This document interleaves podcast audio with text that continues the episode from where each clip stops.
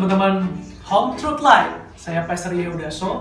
Hari ini saya telah berbicara mengenai before wedding. Teman-teman, dalam menyusun pernikahan bukan cuma sekedar acara, tapi seumur kehidupan kita. Nah, ini yang paling penting teman-teman.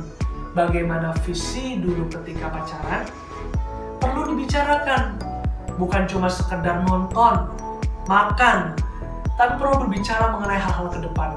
Visi bersama, program bersama, budget bersama, semua perlu dipertimbangkan. Kalau kita menyusun pernikahan saja kita mau acaranya bagus, hotel yang mewah, budget yang besar, bagaimana dengan seumur hidup kita? Menikah cuma sekali, tidak boleh bercerai. Oleh sebab itu persiapkanlah pernikahan kalian, persiapkanlah seluruh kehidupan kalian bahkan sampai meninggal nanti. Karena dua bukan lagi dua tapi menjadi satu.